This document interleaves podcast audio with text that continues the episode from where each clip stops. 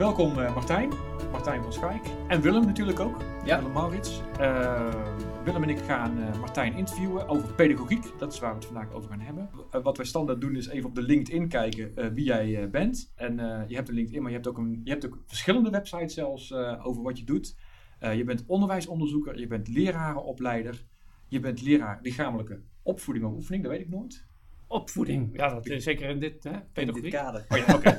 lichamelijke opvoeding. Uh, je bent emeritus practor bij het Centrum voor Toptechniek in Zeeland. Uh, en je bent ook broodbakker en duursportcoach. Uh, en nou zie ik wel een rode draad. Het gaat allemaal heel veel over coachen, over leren. behalve dat broodbakken. Hoe, hoe is de link met broodbakken met al die andere activiteiten? Of is die er niet? Dat kan ook nog. Ja, nou, sterker nog, ik gebruik de, het bakken van brood vaak als metafoor voor uh, het onderzoeken. Het is toch gek, we bakken best wel lang al brood. En dat zijn feitelijk twee ingrediënten. Een beetje zout is de derde. En toch hebben we niet één model wat bij iedereen altijd in de oven lukt. En we hebben het maar over twee variabelen. Nou, als je dat dan vertaalt naar onderzoek doen tussen mensen, waar er toch al meer dan twee variabelen afhankelijk zijn, uh, al zijn het maar de twee mensen, die ook nog op elkaar interacteren, dan kun je nagaan dat het dus onderzoeken juist uh, heel erg ingewikkeld is. Ja, dus, dus als ik nou samenvat, zelfs als je het recept zou weten wat die grote fabrieken, zeg maar, broodfabrieken gebruiken, dan heb je daar als uh, vrolijke thuisbakker heb je daar ook nog niet echt iets aan. Want je hebt met omstandigheden te maken die misschien elke keer ook verschillend zijn. Ja, of, uh, ja. ja en ja, zelfs, kijk, op het begin zijn de variabelen verschillend. Dus het soort bloem en de temperatuur van het water en het kalkgehalte van het water. Maar dat zou je nog gelijk kunnen trekken. Hm. Maar dan begint het, hoe kneed jij dan? En hoe warm is het terwijl je aan het kneden bent? Dat is in de fabriek natuurlijk perfect altijd hetzelfde. Maar in jouw huis niet hetzelfde, ook al doe je zelf hetzelfde. Nou, dat is toch wel een mooie metafoor voor hoe het in de klas gaat. Je kunt wel bedenken, er zitten weer 28 leerlingen in de klas voor dezelfde inhoud van wiskunde. Maar ik heb nog nooit dezelfde les gegeven. E-, even naar jou, jouw expertise. Want ik, wij hebben elkaar ooit leren kennen en uh, werd me al heel snel duidelijk: jij, bent echt een, een, onderwijspedagoog. Voor mij stel je jezelf ook zo voor. Hè? Uh, en ja, misschien toch even als, als intro: wat is pedagogiek volgens jou? Nou, ik heb het even opgezocht. Nee, dat, uh, Uh, ik ben opgeleid bij Fontis en ik heb hier gewoon het vak pedagogiek gehad. En dat kreeg ik uh, aan de hand van het boekje van Langeveld. Beknopte theoretische pedagogiek. Dus dat is het. Dat boekje is pedagogiek voor mij en de docent die dat gaf, Pugner ook.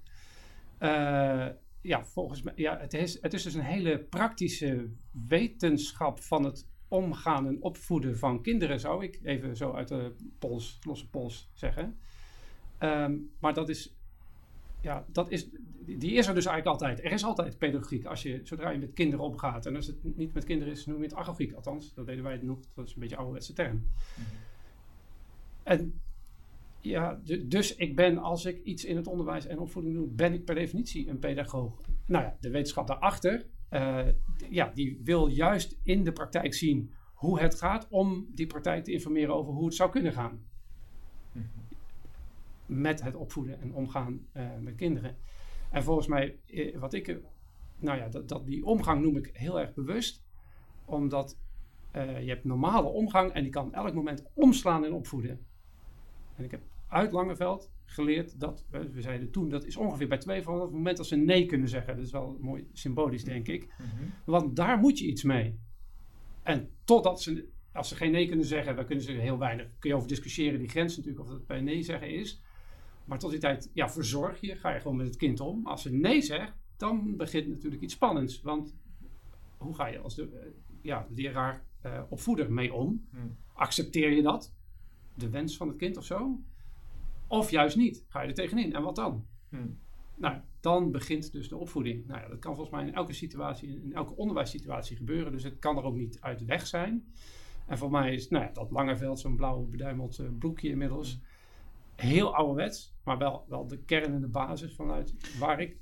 Kan je, kan je een, een, een, want je hebt het nu over tweejarigen, nou dat kan me wel voorstellen, uh, ook als vader zeg maar. Um, hoe zit dat bij, laten we zeggen, 15-jarigen? Wat, is, wat moet je daar ook nog, moet je die nog opvoeden? Of is dat meer iets van zenuwstelsels die nog moeten rijpen of zo? Of, uh, nou, over de rijping kunnen we misschien later wel hebben, maar uh, nou ja, ik, wat, wat, volgens mij elke situatie kan een opvoedsituatie worden. En als het boven de 18 is, zou je kunnen zeggen, dan heet het een agogische in plaats van een pedagogische mhm. situatie. En ik denk, wat je ook het doen bent, of je, hoe strak je je regels bijvoorbeeld ook hebt op school, of hoe hard je ook roept als bestuur, directeur, teamleiders, nou ja, mensen op Twitter, dat de school geen plek is voor de opvoeding, want dat moeten de ouders doen. Als de mobieltjes toch wel in de klas zijn. En als, toch, als jij toch wel hoort dat een meisje geshamed wordt via Snapchat, dan kun je niet niks doen. Ja, dat kun je wel doen. Dat is dus ook een keuze. Maar dan, dan gebeurt er dus iets. Dan laat je dus iets gebeuren met kinderen, in dit geval. Ja, ja, waar je ethische en morele kanten aan zitten, waar, je als opvoeder volgens mij per definitie een opdracht hebt. Ja, dus eigenlijk zou je misschien ook kunnen zeggen, jouw pedagogisch handelen hangt ook af van jouw eigen bijvoorbeeld opvattingen of normen en waardepatronen die daar dan weer onder, precies, onder zitten. Precies, Misschien moeten we daar nog even over doorpraten. Wat me net ook nog triggerde, was dat jij zei, ehm, toen de vraag gesteld werd, wat is pedagogiek? Gebruikt jij het woord, het is een hele praktische wetenschap. Wat bedoel je precies met praktische wetenschap? Nou, dat, wat zijn dan niet praktische wetenschappen? Nou ja, dat, dat is een andere discussie. Want ik denk dat er geen wetenschap is zonder praktijk. Ja. Want wat onderzoek je dan? Uh, nou, daar kun je over discussiëren. Maar waarom het zo praktisch is, omdat die alleen maar in de praktijk kan gebeuren. Het is ook, en het is niet voor niets dat het boekje ook theoretische pedagogiek hebt. Je kunt zeg maar eigenlijk pedagogisch, ethisch gezien, geen experimenten in het laboratorium doen. Gebeurt wel hè, maar mhm. eigenlijk kan het niet. Want dat is niet de situatie van de normale opvoeding. Dus dat is al heel raar. En je kunt zeggen, nou, we gaan, we gaan uitproberen in het laboratorium of slaan werkt. Waarschijnlijk wel. Nou, dan gaan we kijken hoe goed het werkt en voor wie en bij welke leeftijd en hoe hard je dan moet slaan. Maar iedereen lacht daarom en denkt, ja, dat kan natuurlijk niet. Precies. Ja. Dus dat soort onderzoek doe je niet. Je moet het dus in die, ja, in die praktijk doen, waar de fenomenen, de fenomenologie, plaatsvindt. Ja. Kan je eens een, mm. even, even om het praktisch, eh, dat is de praktische wetenschap, hè? Ja. Dus om het praktisch te maken. Wat is nou een typisch dilemma, een voorbeeld van een dilemma waar je als leraar in verzeld kunt raken, laten we zeggen in, uh, in 3 HAVO, op het moment dat je een dilemma rond van mag ik hier iets van zeggen? Is het mijn taak om hier iets van te zeggen als, als pedagoog? Hè? Want de leraar is een pedagoog, zeg jij.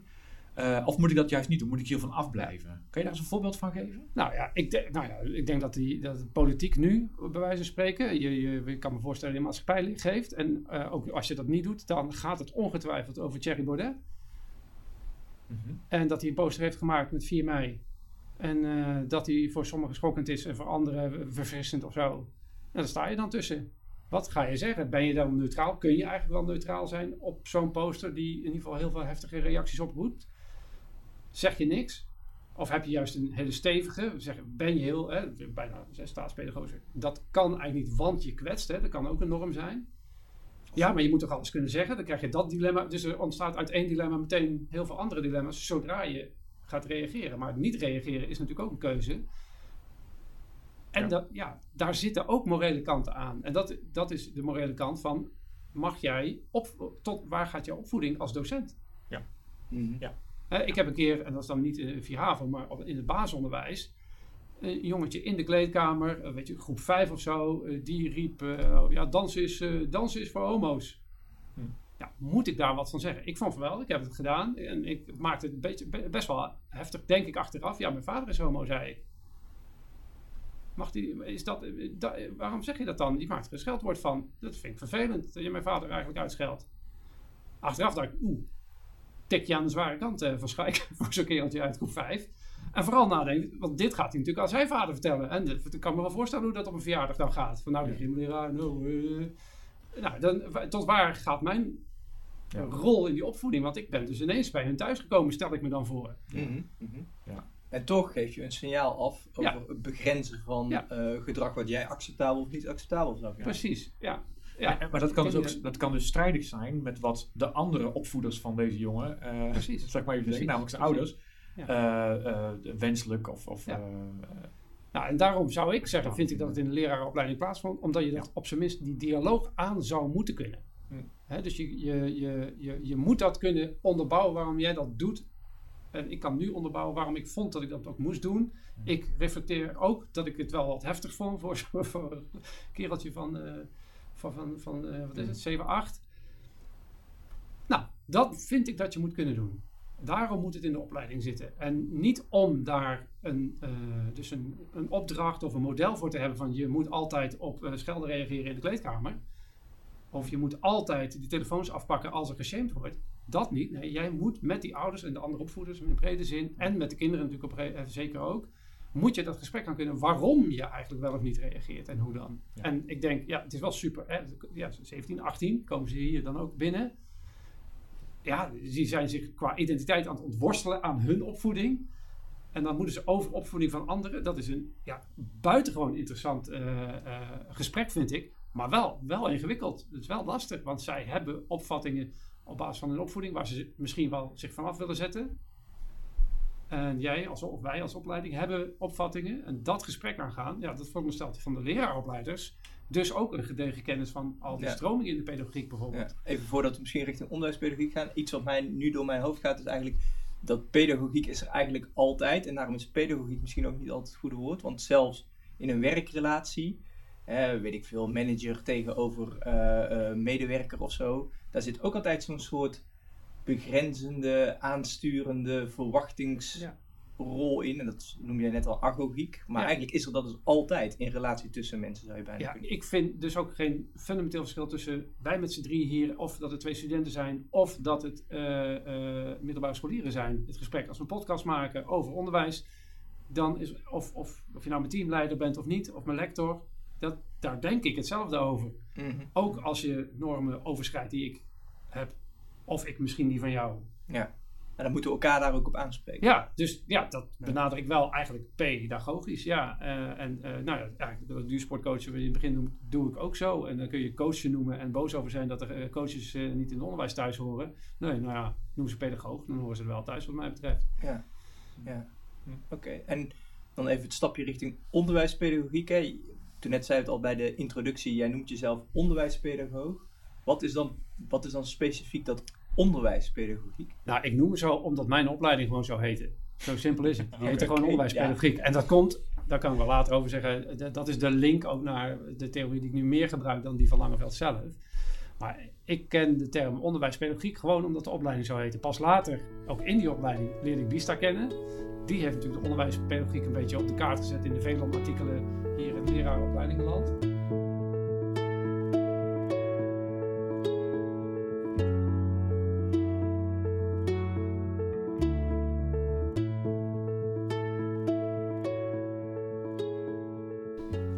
Pedagogiek gaat ook, misschien trap ik af en toe open deur in, maar het gaat ook heel erg over wie jij als persoon bent, begrijp ja, ik. Uh, ja, ja, vind ik wel. Ja. Dus en ik denk dat het leraarschap gaat over wie jij als persoon bent. Ja. En eigenlijk zeg je dus ook dat onderwijs verzorgen of zo meer is dan een soort technisch technische of, instrumentele. Uh, ja, nou, de, onder, het onderwijs wat ik voorsta wel. Anders komen we terug op de, op de games en de apps uh, die, die, die, die, ja, voor, die, die, eigenlijk alleen maar skills bij wijze van spreken leren of oefeningen of trucjes. Of, ja, dat, en wat mis je dan?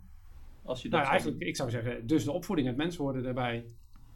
De persoon worden in de maatschappij. Mm. Ja, maar toch even, en volgens mij heb je al een paar keer meer maar antwoord op gegeven, maar ik kom nog steeds uh, wel docenten tegen in ons werkveld en ook studenten in onze leraaropleidingen die zeggen, uh, waar je het straks ook iets over zei, kijk, opvoeding is iets voor ouders die kinderen die moeten opgevoed bij mij de klas inkomen. Mijn taak is ook niet om ze op te voeden, maar ik moet ze kennis bijbrengen. Ja. Kennis van het vak. Dus ook niet kennis over, uh, weet ik wat. Uh, het leven. Uh, het leven of wie je als persoon moet zijn, maar gewoon, je moet bepaalde dingen gewoon weten. Je moet bepaalde dingen kunnen. Dat is allemaal netjes beschreven in het curriculum. En daar ben ik voor aangenomen. Dus, en als iemand zeg maar, zich niet kan gedragen in een klas, dan is hij misschien niet goed genoeg opgevoed. Dan is dat een taak voor de ouders. Dus dan moet hij eigenlijk naar huis worden gestuurd. Nou even chargeer. Dan moet er een briefje naar de ouders, beste ouders uw kind is niet goed opgevoed. Uh, hij mag er komen, of zij mag er komen op het moment dat de opvoeding uh, voltooid is. Ja, maar dat is dus al een, dat is eigenlijk al een pedagogische keuze. En dan kun je zeggen, ik doe niet aan pedagogiek, maar dat alleen al is een pedagogische keuze. Ja, maar is dat een optie? Nou, ik vind van niet, want uh, je reduceert pedagogiek ten eerste als, uh, en opvoeding in het algemeen als uh, braaf gedragen volgens ja, de regels en de normen die er gelden. Mm Nou, er is meer, want je wil ze ook tot een mens en in de maatschappij maken als je het over opvoeden hebt. Als je dat per se niet wil, dan nog heb je bij selectie van uh, kennisinhouden, die leuke kennisbasis die we allemaal hebben, keuzes. Waarom wel de Tweede Wereldoorlog en niet de hele Indië-oorlog in het curriculum? Dat zijn allemaal keuzes die, ja, die ook uit de opvoeding voortkomen. Wat voor ja, mensen, volwassenen wil je opleiden? Met welk beeld, welke kennis moeten ze dan hebben om zich staande te houden? Hebben wij dan in Nederland, uh, als je kijkt naar ons curriculum, nou het zijn verschillende, voor het voortgezet onderwijs. Dus wat, wat, wat bepaald is dat kinderen op school in het voortgezet onderwijs moeten leren. Past dat op jouw visie, zeg maar? Want ik, ik heb zelf het idee, maar ik weet niet of het klopt, dat dat wel vooral dat technische stuk is. Dat daar heel weinig in staat over persoonsvorming. Maar ja, ik denk dat eigenlijk in de basisvorming staat het wel. Oké, de onderbouw. In de onderbouw VO heet het Ja, sorry. Uh, nou, we worden oud, hè? uh, maar uh, ja, ik denk dat het daar eigenlijk wel in staat. Daar staat bijvoorbeeld, nou, bij mijn oude vak, gym staat er ook in. En dat, het is echt, gaat wel echt over samenwerken bijvoorbeeld. Mm -hmm. En, en een wegingssituatie aan de gang houden. Ja, dat zijn, ja, dat kun je technisch doen. Je kunt een wedstrijdje starten en eindigen. Ja. Um, maar ik denk dat daarachter zit wel wat, of in ieder geval genoeg ruimte om daar uh, tot volwassenheid en opvoeden uh, ruimte te bieden. Maar je hebt gelijk, dat wordt niet expliciet. En waarom is dat niet expliciet? Omdat dat nogal tricky is. Want het maakt wel uit of de SP die doelen zou formuleren of de SGP. Hm. Ja, het is natuurlijk een beetje hetzelfde wat je in onze eigen opleiding met inderdaad de kennisbasis ja. ziet gebeuren. Ja. Dus wij hebben, hebben, hebben wij in de leraaropleiding nu doelen geformuleerd over zeg maar, wat je als wat je pedagogisch zou moeten bereiken met, met leerlingen. Wat je, waar je toe in staat zou moeten zijn in ieder geval. Ik, ik geloof het niet. We hebben, de, we hebben de generieke kennisbasis, er staat wel iets over in. Maar daar staan zeg maar niet, zoals er wel ontwikkelings- of nee, uh, leerpsychologische theorieën staan, staan daar niet zo uitgebreid ja. pedagogische theorieën. Dat is eigenlijk wel een interessante uh, oefening eigenlijk. Ik zit ook even te denken, want we maken deze podcastjes en die zouden zomaar bij onze studenten van de leraaropleiding terecht kunnen komen. Ik sluit het niet uit. Uh, en als die nog steeds luisteren, dan uh, van harte welkom. Um, het zou eigenlijk wel een interessante oefening zijn om eens te kijken van voor je eigen vak, wat staat er nou, staat, kan je daar iets pedagogisch in terugvinden? In de doelen die voor jouw vak geformuleerd zijn. Bijvoorbeeld rond de onderbouw of misschien ook examenprogramma's VMBO bijvoorbeeld. Ja. Of, of HVVBO als je van de master bent. Um, ik, ben daar wel, ik denk dat het heel erg verschilt ook per vak. Hè? Maatschappijleer kan ik me niet voorstellen dat er niks pedagogisch nee, in staat bij. Nee, nee. Nou ja, dat, ja, daarin zie je hoe uh, ons curriculum opgebouwd is. Is natuurlijk door de vakverenigingen gedaan. En je kunt eigenlijk uh, de visies hmm. van de vakverenigingen terugzien in het curriculum. Ja. Op, op die manier. En daarin is, ja, zou je zeggen, de maatschappij vakken. En ik kan niet meteen een hele gamma-cluster daaronder hangen. Maar die hebben daar uh, eerder een handje van. Om het ook in ieder geval het sociale aspect in de maatschappij te bespreken. Nou ja, dan ontkom je er niet aan om dat ook in je klas ja. als voorbeeld te gebruiken. En dat geldt ook voor kunst en muziek en, en, en bewegen. Dat, dat zijn natuurlijk ook vakken die over vorming veel meer gaan. Uh, en de, daarmee over opvoeden. Dan, uh, nou ja, dan hele technische zaken rond scheikunde. En even een bruggetje te maken. Um... Maar burgerschap staat natuurlijk ook in, hè? Uh, bij bijvoorbeeld MBO en in, in, het MBO staat burgerschap gewoon ja. op de agenda. Nou, daar, daar gaat het dus over. En dan kun je, ik vind dus ook niet dat je dat een apart vak zou moeten maken. Ja, ja. Maar het staat wel als doel in. Maar is, is burgerschap dan ook niet misschien meteen uh, te smal in die zin van hè, die pedagogische rol is er altijd en overal. Dus ook als het niet per se over burgerschapachtige thema's in de les gaat. Want die neiging hebben we natuurlijk nee, wel. Maar dus hier komt eigenlijk wel mooi het onderwijspedagogische als combinatie voor. Hier, ik ben het helemaal met jou eens. Hè. Ik vind burgerschap is iets zo breed dat zou je onder identiteitsontwikkeling kunnen schappen, eh, val, laten vallen. Eh, loop, eh, leren, leren loopbaan oriëntatie en oriëntatie op beroep. Daar hoort het allemaal bij. Dat is één groot geheel waar je die leerling, student in het MBO doorheen leidt, zodat hij uh, zijn bijdrage kan leveren in de maatschappij, ook werkend. Super mooi. Alleen als onderwijskundige zeg ik ja, dat kan ik zo opschrijven. Dat gaat niet gebeuren als je weet hoe het MBO georganiseerd is, waar ook uh, freelancers en iedereen zijn eigen vakje heeft. Hoe dan? Nou, dan vind ik het terecht eigenlijk dat je uh, expliciet maakt. Ja, noem het burgerschapsvorming. Of wat dan ook, bij wijze van spreken. En dat vind ik eigenlijk ook, dat is hetzelfde als met ICT. Dat is ook zoiets, dat zit overal in. Nu, zeker nu we uh, allemaal weer blended veel lesgeven en zo. ik vind eigenlijk dat je daar geen vak van zou moeten maken in de leraaropleiding, ICT-didactiek of zo. Maar we doen het wel, want anders gebeurt het niet. Ja. Mm. En Dat, dat, die afstemming van waarom zet je het nou zo expliciet in het curriculum, dat is, vind ik dus onderwijspedagogisch. E, even een beetje uitzoomen, hè? Want uh, ik kan me ook voorstellen dat nu, uh, tenminste, ik denk nu zo langzamerhand, nou, dat is gewoon het beginnen aan. Dus je hebt uh, ten eerste al te maken met, als je leraar bent, met een klas voor leerlingen die allemaal een verschillende achtergrond hebben met verschillende opvoeders. En dan, en dan moet je dus dan moet, dan moet je iets mee. Vervolgens moet je ook nog iets met je vak. En dat, dat interfereert misschien soms met, uh, met het feit dat je ook nog uh, opvoeder bent. Um, nou, misschien maar gewoon de vraag. Wat, wat verwacht je nou van een beginnende leraar dat hij moet kunnen pedagogisch? Wat, wat, waar moet hij toe in staat zijn?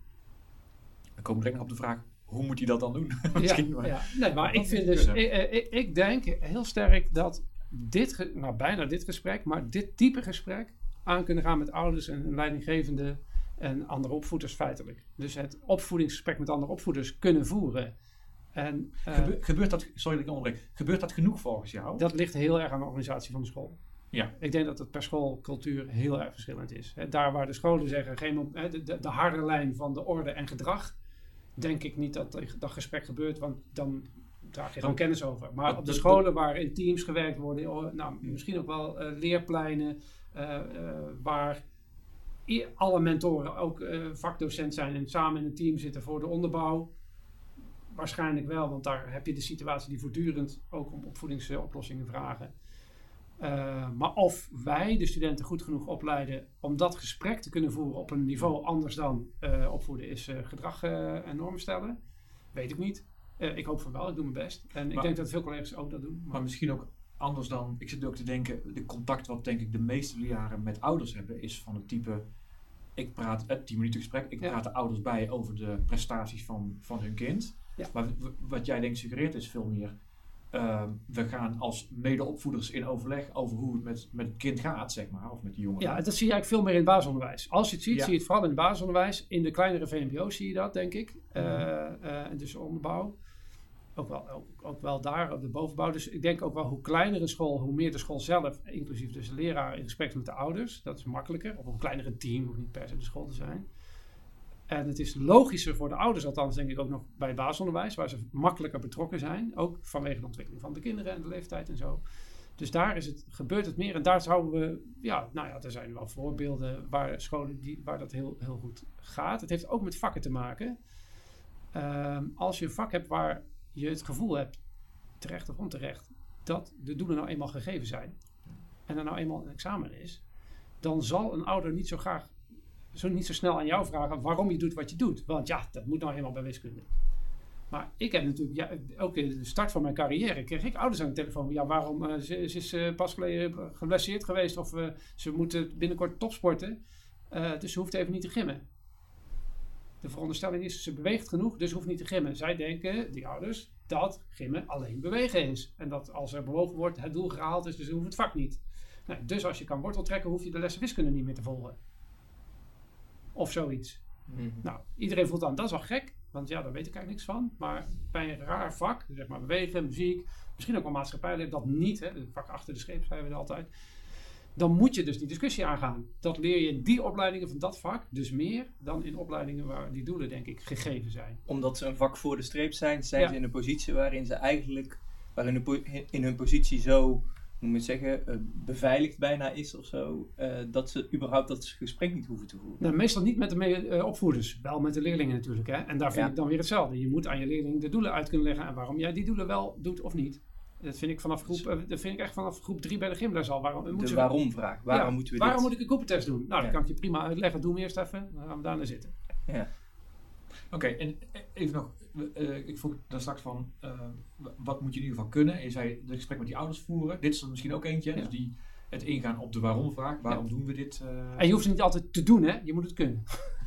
Ja, precies. Je hoeft niet elke les te zeggen waarom gaan we dit doen en dan uh, een betoog van een half uur over. Het is repertoire eigenlijk. Hè? Ja. ja. maar dat, zijn, en dat geldt voor alle vakken eigenlijk. Hè? Dit is niet iets. Ja, ja. Zijn er nog meer van die dingen die je moet kunnen, onderwijspedagogisch? Nou, ik vind ook het kunnen verantwoorden. Of eigenlijk als je nou een, een, een, werk, een vakwerkplan maakt. En daar moet je ook verantwoorden wat je aanpak dan is. Dus niet alleen maar welke doelen je nou uitkiest uit de set van mogelijke doelen. Maar waarom je dat wel of niet doet. Nee, je moet kunnen uitleggen, ik vind dit, en ik zou daar, daar zit dus altijd de pedagogiek in, de manier waarop, zo'n vraag die vaak voorkomt, ja, maar ze hoeven het niet leuk te vinden of ze moeten het ook leuk vinden, want dan gaan ze het beter doen. Hè. Dat is vaak zo'n motivatievraag, zien wij vaak in de afstudeerfase als onderwerpen, die motivatie. Maar mij maakt niet uit of jij vindt dat ze het leuk of moeten vinden of niet, of dat ze gemotiveerd moeten zijn. waarom kun je nou meer dan alleen maar een gegeven als doel of uh, uit het, het werkt volgens onderzoek, kun je meer dan dat vertellen waarom ze het dan wel of niet leuk moeten vinden of gemotiveerd moeten zijn voor jouw vak. Ja, en, en bedoelt dat, dat, dat het ook een. Dat is een verantwoording daarvan. Een verantwoording vanuit jouw eigen pedagogische opvattingen. Daar zit vanzelf een pedagogische opvatting in. En daar zitten dus ook uh, wetenschappelijke, vanuit andere disciplines, ontwikkelingspsychologische uh, opvattingen achter. En, en dat geheel moet je kunnen verantwoorden en onderbouwen. En volgens mij is dat een groot gedeelte van de opdracht die wij hier als onderwijspedagogisch handen geven. Mhm. Wat doe je? Waarom doe je het? Hoe zou je het kunnen verbeteren? En waarom zou je dan die aanpak kiezen? Mm En wat gebeurt er dan weer? Nou ja. kan, kan, je daar iets over vertellen? Over die, hè, in onze afstudeerfase hebben we eigenlijk uh, twee modules, hè, OPH en VDO worden ze vaak in één adem genoemd. OPH staat dus voor onderwijspedagogisch handelen. Kan jij misschien eens even vertellen wat jouw beeld is, wat de, de opdracht bij onderwijspedagogisch handelen nou eigenlijk is? Even los van wat er precies in de rubriek staat, maar op een misschien iets meer, meer uh, op een niveau waarvan je zegt, ja, dat, dat zouden we eigenlijk moeten bereiken en dat zou ik van studenten willen zien daar. Ja, nou, wat ik dus eigenlijk wil zien is dat ze zien wat van hun handelen pedagogisch is. Dat ze dat kunnen laten zien eigenlijk. Waarom ze dat deden, als ze dat misschien onbewust deden, dat ze dat daarna kunnen verantwoorden waarom ze het anders gaan doen of bewuster zijn gaan doen. En dat verantwoorden zit dus uit een eigen ideaal kunnen vertellen, de doelen van je vak kunnen combineren, dus dat onderwijs, pedagogische. En, en ook de theorie en de wetenschap daarbij halen. En dat, dus dat systematisch, zeg maar, beargumenteren in plaats van dat vind ik nou eenmaal of dat staat in de visie. Ja, alleen dan het neigt op een of andere manier ook wel naar een grote reflectie. Uh, ja, maar dus omdat je, uh, ik vind, die reflectie is goed en bij de reflectie hoort je visie, is ook nog heel persoonlijk. Maar die visie, dat is het haakje om de theorieën op te hangen. Of onderzoek of wat dan ook. Literatuur. Hè? Dus je kunt zeggen, ik, ik zou dan zeggen, ik heb deze visie op opvoeden. Dus ik ga zo om in mijn gymlessen of zo om hier met studenten in de leraaropleiding. En dat haal ik van Langeveld dat is wel ouderwets, maar Bista zegt tegenwoordig hetzelfde. En als ik dat systematisch wil doen, dan zou ik kunnen werken zoals, nou, zou ik nu zeggen, om toch maar even te, volgens Vygotsky's methode werken, omdat daar al heel veel uh, instrumenten van zijn in het basisonderwijs. Mm -hmm. Nou, dan heb ik dus en drie bronnen en mijn eigen ideaal van opvoeden verteld. Nou, dat geheel, dat vind ik dat ze moeten kunnen vertellen. ik zeg het even dan zo. zou je ook kunnen zeggen, nou dat is toch ook allemaal best wel redelijk persoonlijk gekleurd. Dus um, uh, kan dat dan ook niet goed zijn wat een student nou ja, aanlevert. Een, uh, ja, bijna, het is bijna Nederlands, maar een, goede een argumentatie kun je op, los van het persoonlijke, of die relevant is, passend en logisch op elkaar volgt, en of die te volgen is op zichzelf al, die kun je beoordelen. Ik heb zelfs de, de, diepgang van theorieën. Daar hebben we al allemaal modellen voor om te zeggen, nou, hoe diep gaat deze theorie, hoe op, oppervlakkig is het? Ja, maar jij bent natuurlijk ook betrokken als misschien procesbegeleider, weet ik niet helemaal zeker. Zeker, ja, oké. Als procesbegeleider en ook als beoordelaar bij die OPH-producten. Wat is nou een moment of zo waarop jij zegt, ja, maar dit, dit is niet goed genoeg of zo? Of dit is geen nou, goed... Uh, escalatieladder kwam dit jaar twee keer voor. Escalatieladder is zo'n typisch zo'n typisch uh, trucje zou ik willen zeggen, modelletje. Instrument. Instrument dat uh, startende docenten onze eind, eindjaar zeg maar vaak aangereikt krijgen als het toch niet helemaal lekker gaat met de orde in de klas. Mm En dat zien ze even uitleggen wat dat is, want ik denk dat niet iedereen dat kent. Ik weet het ook niet, ik lees er alleen maar over. Want ik, ik, krijg er eigenlijk een beetje kriebels van, maar het is wat doe je als er iets gebeurt uh, wat jouw normen overschrijdt eigenlijk aan gedrag in de klas. Nou, daar heb je stapjes. En dan eigenlijk de laatste stap moet zijn eruit sturen, naar de corrector sturen, zoiets. En al die stappen daarvoor, die, die, die moet je in je, je zegt het wel mooi, eigenlijk in je repertoire hebben. Ja. En die moet je oefenen en die dus moet je weten. Dus je hebt een aantal stappen die, van, van, uh, die je dat ook kunt doorlopen. De eerste is heel weinig ingrijpend. Ik weet niet, misschien even aanspreken of zo. Kijken. Kijken, ja, precies. En, dat loopt dan op, weet je, als het niet werkt, loopt het uiteindelijk op naar uh, stuur deze leerling naar de corrector. Ja. Zo. en eigenlijk denk ik altijd, als ik uh, studenten het hoor uitleggen, denk ik, dat is een speakbriefje wat je niet gebruikt. Mm -hmm. Ja, en, en die je buiten de, hoe noem je dat, heat of the moment als het ware kan bedenken. Dus het is ook bijna meer een denkoefening voor die student van wat zou ik kunnen doen als en waar ligt mijn grens? Maar waar, waar, waar, ik, waar ik uh, heel snel uh, in ieder geval ingrijp en niet aan het einde dat ik dan zeg, nou dit was niet goed, maar waar ik juist in het begin bij dat proces dan ingrijp is uh, voorkomen dat het iets wordt wat ze op bord gaan schrijven. Heb ik gezien. dat deed mijn collega's op het VMBO dat ook. Hè, van, je weet, bij drie streepjes dit en bij vier streepjes dat. En dat je de, de, de escalatieladder, die jij zo mooi zegt als een denkoefening. Ik zou zeggen bijna een speakbriefje voor jezelf. Mm Hebt liggen. Projecteert op de leerlingen zo van, nou, je weet wat er gebeurt als. En waarom is dat dan niet goed? Nou, dan geef je hen de taak om zichzelf op te voeden.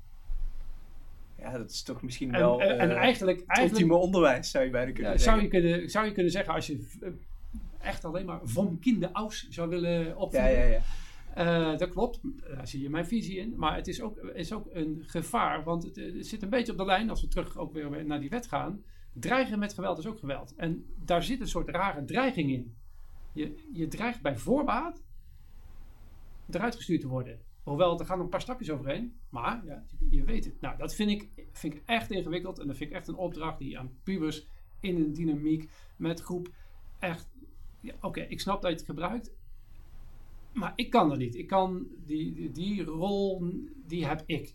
om de veiligheid voor iedereen te bewaren. En ook de ruimte te bieden dat er andere mogelijkheden zijn dan de wet, dan die escalatie die uh, op het bord hebt staan. Zie je daar ook, ook, misschien niet gewoon de zoektocht van die student naar uh, uh, grip krijgen op dat ja, proces? Dus ik verbied de escalatieladder ook niet. Ik zeg alleen, dat is niet voldoende om onderzoekje naar te doen of het werkt. Ja, precies. Hè, dus, dus als jij dat wil onderzoeken, nou ja, dat is het beginpunt, dat is jouw aanleiding. Jij krijgt dit aangereikt, wat kan je er nou eigenlijk? Dat doe je in de eerste week. Ja. Hoe, hoe zorg je nou dat het echt alleen maar een speakbriefje is? Dat is eigenlijk mijn opdracht die ik ze dan geef. Want eigenlijk wil je toch helemaal niet dat het gebeurt.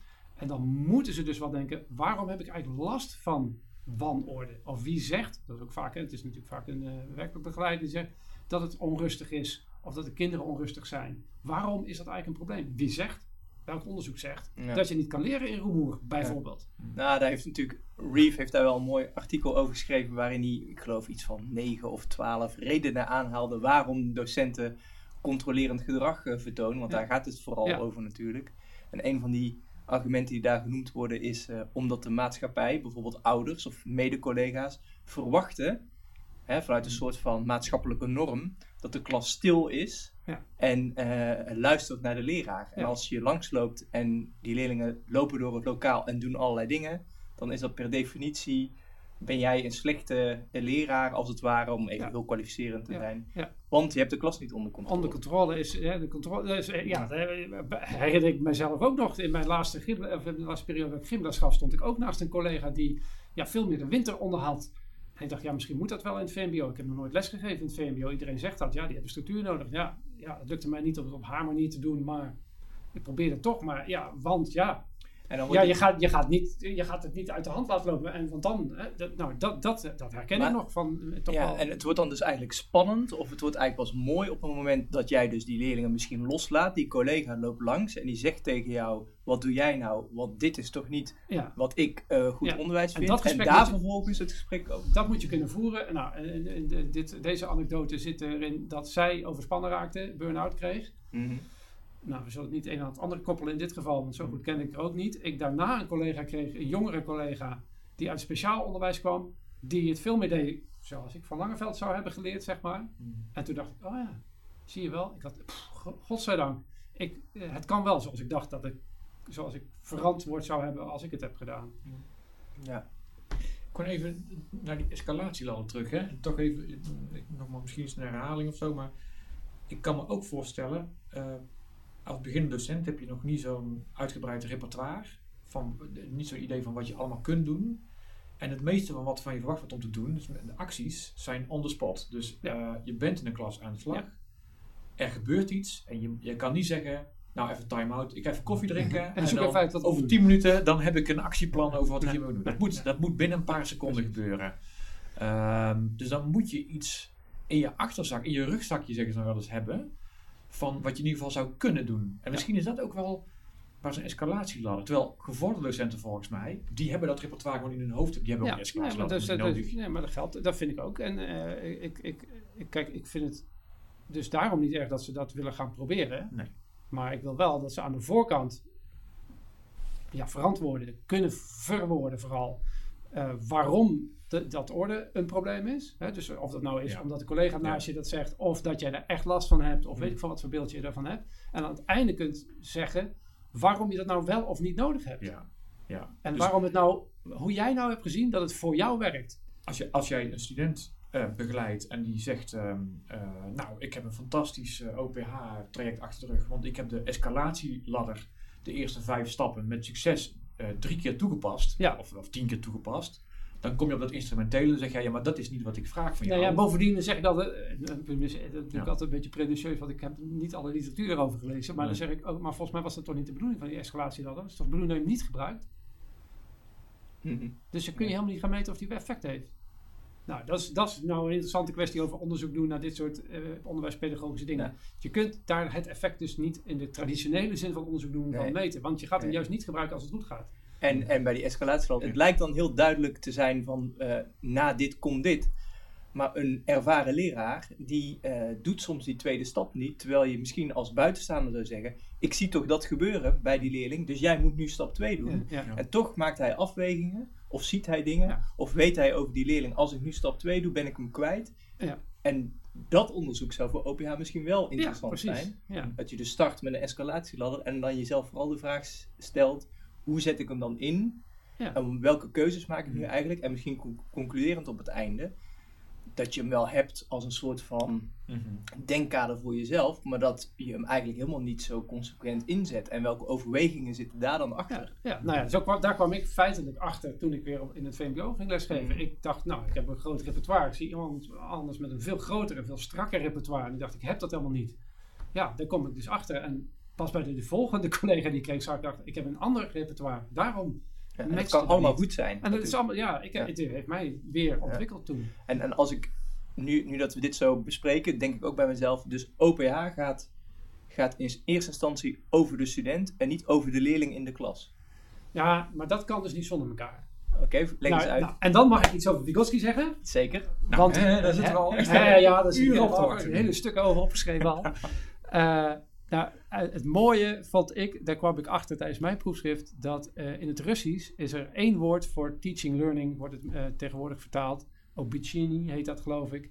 Waarin je aangeeft, er is niet iets als ik leer jou iets aan en jij leert iets. Daar kun je een scheiding tussen brengen. Zeg maar net zoiets als de didactiek scheiden van de pedagogiek of het onderwijs van de pedagogiek. Leren gaat over interactie. Dus ja, je, je, je, je bent altijd bezig met die, met, die, met die kinderen en het opvoeden. En, en interactie uh, bedoel je dus, het is altijd twee kanten op? Het is altijd twee kanten op, ja. Je kunt niet zonder de kinderen opvoeden. Ja. Je kunt dus ook niet zonder kinderen onderwijs geven. Ik denk dus eigenlijk ook dat je geen onderwijs kan maken, curriculum maken zonder kinderen als student. Dat vind ik ook bijzonder lastig. Ja. Omdat dan eindig je in een curriculum op papier. Dat is ook wel, zo noemen we dat dan ook. En dat noemen we niet voor niks zo, want het is alleen maar een, het is nog niet een, dat is nog geen curriculum, dat is een curriculum papier. Maar hoor, hoor ik jou nou zeggen dat je bij het bedenken van wat er geleerd moet worden en hoe er geleerd moet worden, wat de curriculum is, dat je daar uh, kinderen of jongeren, in ieder geval de potentiële leerlingen, bij zou moeten betrekken? Ja, ja oké, dat kan niet anders, denk ik. Ik vind, hè, dus vanuit en Langeveld en Bista, vind ik dat, dat zij mede de doelen bepalen. Mm -hmm. want zij moeten die persoon worden in de maatschappij. En ik vind dat ook, is ook meer, hè, het onderwijskundige daarvan. En dan, dat, dat is zoals OGO-scholen werken uh, uh, thematisch werken, die werken met een doelencirkel. Die doelen zijn nog veel groter dan die SRO-doelen van de onderbouw. En die geven, gaan van binnen naar buiten. Het begint eigenlijk met pedagogische doelen van een soort veiligheid. En daarna ga je samen met de leerlingen in dat thema die doelen bepalen. En daar zijn dus echt instrumenten voor. Dat is niet vrijheid, blijheid. Dat is in de richting van die SLO-doelen. Maar dat mhm. doe je in dialoog. Dus je bent voortdurend in dialoog. En dat zou ik nou, als je nou over theorie, de rode lijn, door die drie namen die ik vooral gebruikt heb, is het die dialoog. Het gaat om een dialoog kunnen voeren onderwijspedagogisch, mm maar dus ook met die leerlingen over het bepalen van je doel. Nou, ik denk zeker in het MBO, waar ik met mijn practoraat uh, ook, ook, dat onderzoek heb gedaan. En het was eigenlijk ging over de VMBO-leerlingen die naar het MBO toe moesten. Daar concluderen we ook uit. Die dialoog moet onderwijspedagogisch zijn. Die moeten docenten gaan voeren. Waarom? Omdat je niet kunt zeggen, deze route, deze leerroute is effectief. Dus de modules zitten goed in elkaar, want ze komen in de techniek terecht. Daar ging het eigenlijk over. Hmm. Hij was effectief, want er kwam iemand niet in de techniek terecht. Dat was een jongen die bij voorbaat voor techniek koos, omdat hij kok wilde worden.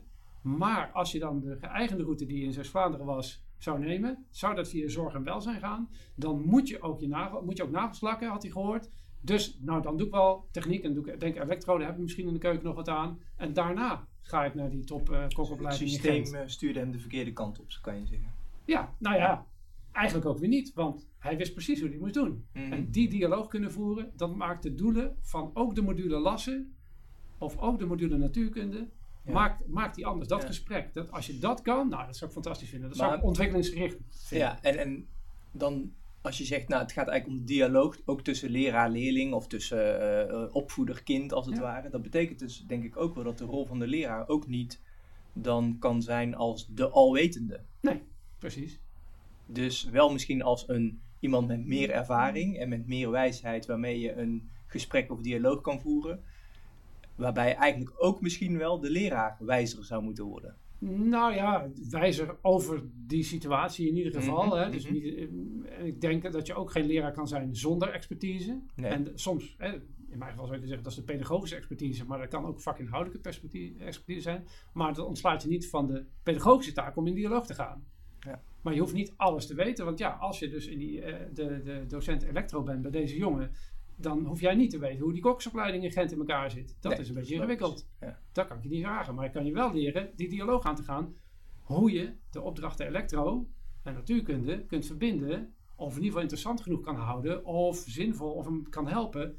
Om dat uh, nou, betekenisvol of in, uh, logisch voor hem tot, een tot kok of, of te maken. Waar, waar ziet hij die elektro in zijn keuken?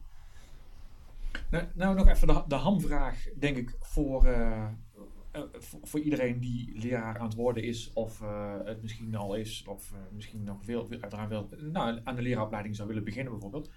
Hoe word je hier nou goed in?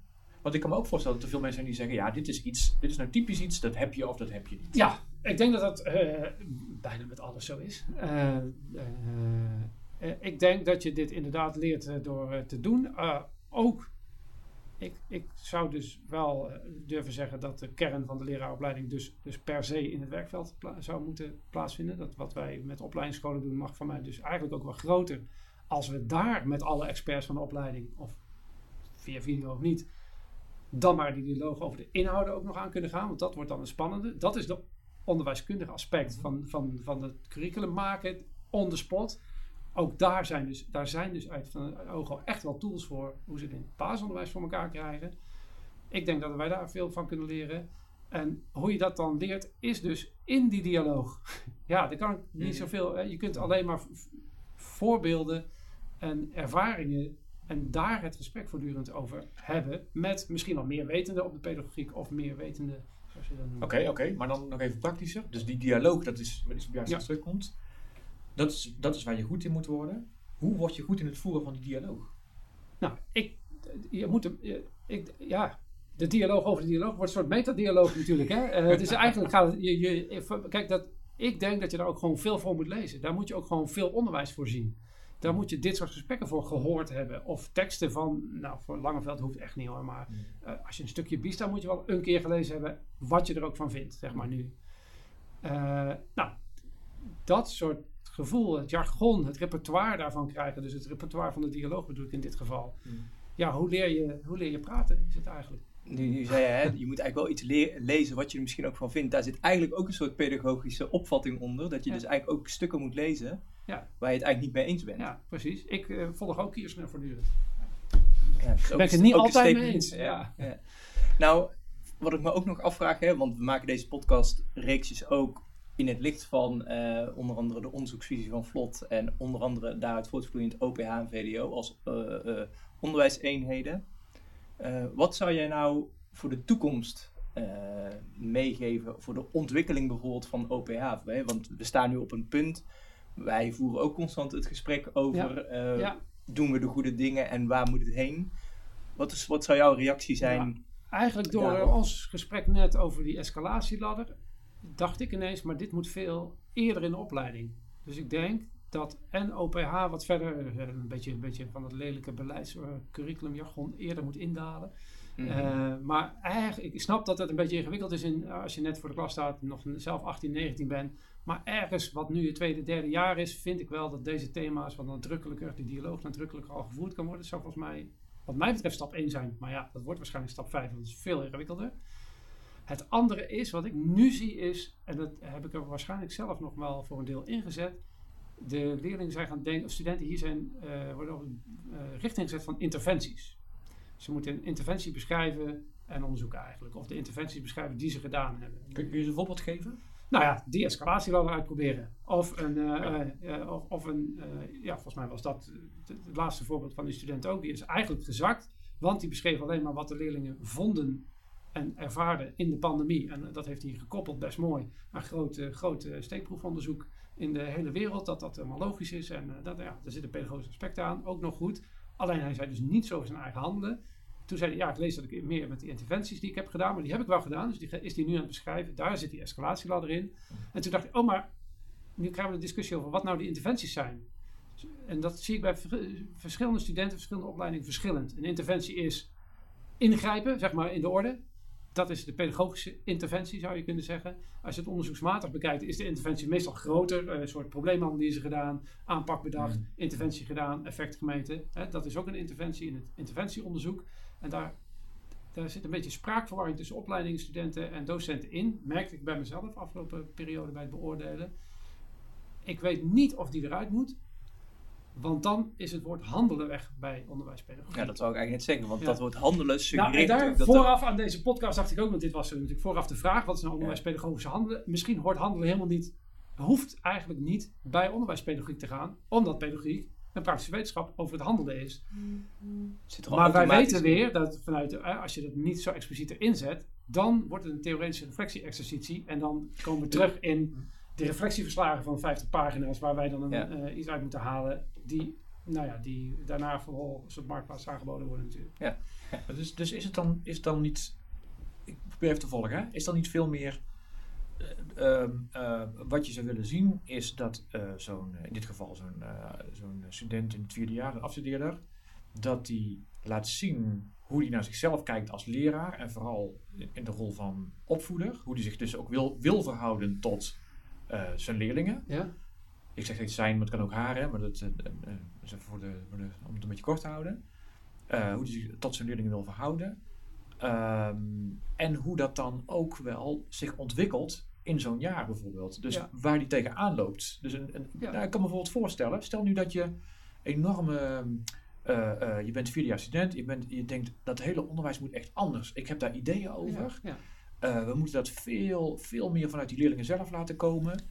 Ehm, dat je nou, ik kan me voorstellen dat je dan in eerste instantie op een school, nou, eh, er zijn best scholen die dat, die dat zien zitten, dat je gaat uitproberen. Maar dat je erachter komt dat die leerlingen uh, met de hakken in het zand gaan bijvoorbeeld. Dat je zegt, nou, ik heb, daar, ik heb dat ook onderzocht. Ik heb daar, uh, ik ga die klas in en ik, ik, zeg tegen die leerlingen: Nou, jongens, ik heb er eens over nagedacht. Wat willen jullie? Uh, hoe gaan we het aanpakken? Denk eens met mij mee. En als de leerlingen zeggen: Ja, maar dat gaan we niet doen. Jij bent de leraar. Vertel ons maar eens gewoon wat we gaan doen. Ja. het is jouw werk. Ja, studenten doen het ook. Ja. En, en die zoektocht, volgens mij, dus waarbij je zegt wat je wil en hoe je in het werk wil staan en wat je houding is ten opzichte van zo'n klassituatie.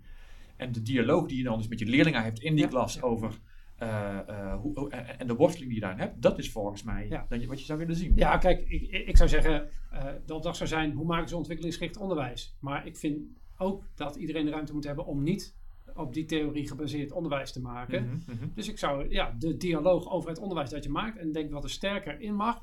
Ik zou bijna zeggen, ten koste van het woord interventies mag wel de overwegingen en de verantwoording van de doelen die ja. ze wel en niet uitkiezen om te bespreken. En, en dus dat ze loskomen van lesmethodes of opdrachten van het beleid of, of de verwachtingen van de leerling. Leg je dus ook duidelijk de bal bij die student neer. De, doel, de doelen die die student wil bereiken. Ja, want je hebt altijd keuze. Ja. je, eh, zoals uh, mijn uh, decaan, uh, mijn mentor ook eigenlijk altijd zei, als je brugklassers ga, hebben ook een keuze. Die denken dat ze naar school moeten, maar ze kunnen tegen de wet ingaan. Hm. Hm. Dat is een keuze. Daar heb je als leraar ook iedere keer. Je kunt zeggen, ja, maar ik moet toch examens moeten toch halen. Dan kun je tegenin gaan. Er zijn scholen die het doen. Ja. ja. Oké. Oké, nog even. Ik kan, ik weet niet maar ik kan nog één vraagje in ieder geval. Dat is eigenlijk de omgekeerde uh, route. Dus uh, stel nu dat je, een, dat je leraar, een leraar wilt worden die, die juist wel van de controle is. Hè? En, en directe instructie en, en gewoon die leerlingen uitleggen hoe het zit, zeg maar. Hè? Uh, uh, hoe, hoe past die pedagogische rol daar dan in? Nou ja, nu veronderstel je dat dat geen pedagogisch... Eh, kijk, dat zou niet mijn pedagogische visie Nee, nee, dat bedoel ik niet. Ik bedoel alleen... Kun je zichtbaar maken hoe daar die nou pedagogische rol mij, in zit? Eigenlijk, kijk, hij zal niet snel in dialoog gaan met zijn leerlingen over de doelen. Nee, want hij zegt tegen zijn leerlingen: Ik weet het beter dan jullie, dus, want daar ben ik voor aangenomen. Dus ik vertel wat ik van jullie verwacht en daar ga ik je ook op aanspreken. Ja, nou, dan wil ik dat wel eens zien, ja. Dan is dat de pedagogische rol. Ja, ja, want dat is dan zijn pedagogiek. Ja, ja, ja. En, dan, en dan, daar zijn pedagogische theorieën van. En dat, die zitten niet in ons curriculum. Nee, nee, oké. En daar heb je eigenlijk uh, de nieuwe lector bij de Hogeschool Rotterdam, uh, Carlos van Kaan, heeft nog, toen hij bij de Han werkte, een spel ontwikkeld. Het uh, pedagogische prioriteitenspel. Superleuk spel. gaat de hele tijd over situaties waarin je opties hebt om te handelen. Wat jij zegt, hè, on the spot moet je dat doen. Dan doe je het ook. Daarna kijk je terug. En wat had je nog meer verantwoord kunnen doen? Hè, dus verantwoord in de zin van onderbouwd. Welke, welke, welke prioriteit had je toen? En had je ook kunnen hebben die eigenlijk, ja, zeg maar, oordeelsvrij ook akkoord zouden zijn geweest. En er zijn altijd meerdere opties die je kan kiezen. Ja, en hij deed dat in zijn proefschrift, eh, Carlos deed dat. heeft hij dat mooi met, uh, met stukjes strip, strip liet hij maken van video's. En dan laten zien. En dat is een super mooi begeleidingsinstrument. Heb ik wel eens gebruikt voor instrumenten. Een beetje arbeidsintensief, maar het is wel mooi. Want je krijgt de dialoog over.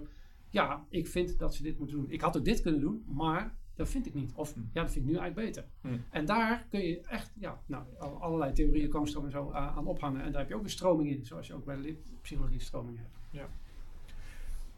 Oké. Willem, wat jij nog vragen? Ik ben er doorheen. Volgens mij zijn we wel rond. Voor nu. Ja. Oké, eh, Martijn, uh, bedankt. En uh, succes met het verdere vervolg. nou, ik moet je... natuurlijk wel nog even mijn boekje pluggen. Ja. 17 juni komt namelijk mijn boekje van dat practoraat dat afgelopen is, waar ik dus dat VMBO en MBO-onderzoek ook heb gedaan. Waar ik zeker ook een hoofdstuk heb over wat ik vind dat onderwijsonderzoek is, in staat. En waar ook wel nadrukkelijk natuurlijk Vygotsky en onderwijspedagogiek aan de orde komt. Super. Dus nou ja, 17 juni kun je het ook allemaal nalezen, deze podcast. Oké, en, en hoe, hoe kunnen mensen dat boekje uh, dan komt het op hybrideonderwijs.nl.